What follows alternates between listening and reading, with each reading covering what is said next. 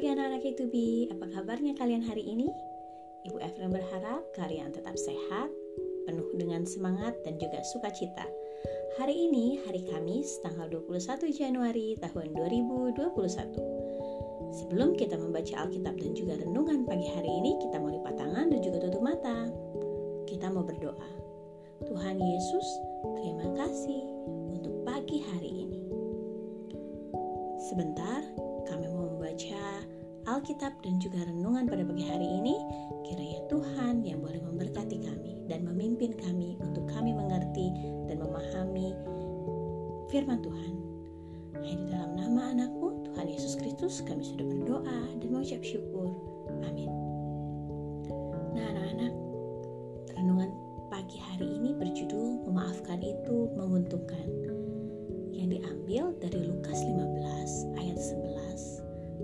sampai 24. Kalian bisa minta tolong mama atau papa untuk membacakan ayat ini. Nah, sekarang Ibu Evelyn mau membacakan satu ayat yang diambil dari Lukas 15 ayat 23. Dan ambillah anak lembu tambun itu, sembelihlah dia, dan marilah kita makan dan bersuka cita. Nah, Ibu Evelyn punya cerita dari dua orang anak yang bernama Reno dan Cika.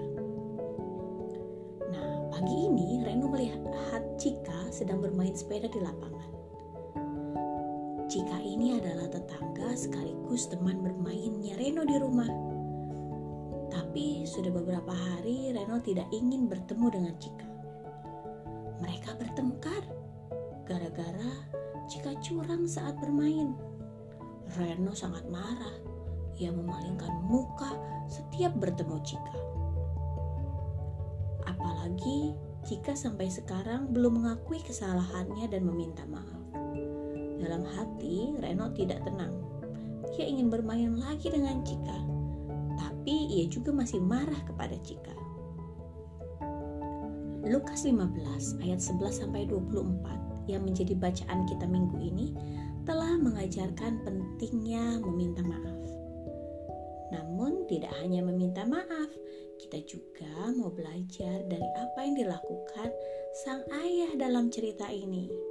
Di ayat 23, sang ayah berkata, "Dan ambillah anak lembu tambun itu, sembelihlah dia, dan marilah kita makan dan bersuka cita." Menerima anaknya kembali membuat sang ayah bahagia.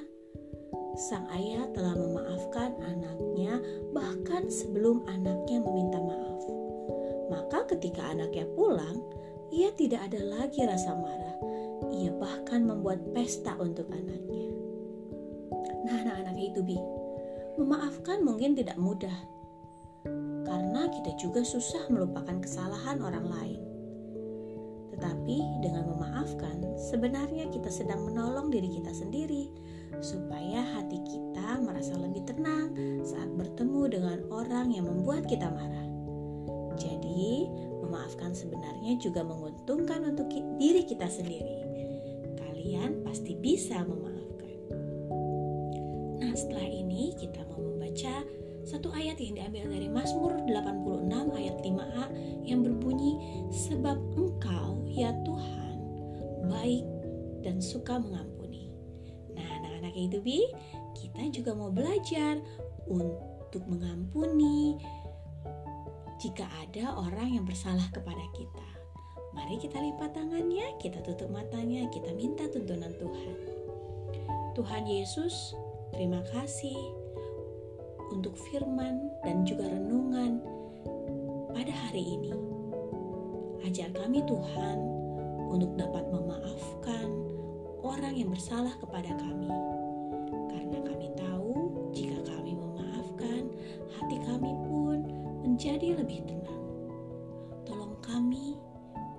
Untuk mau terus belajar memaafkan.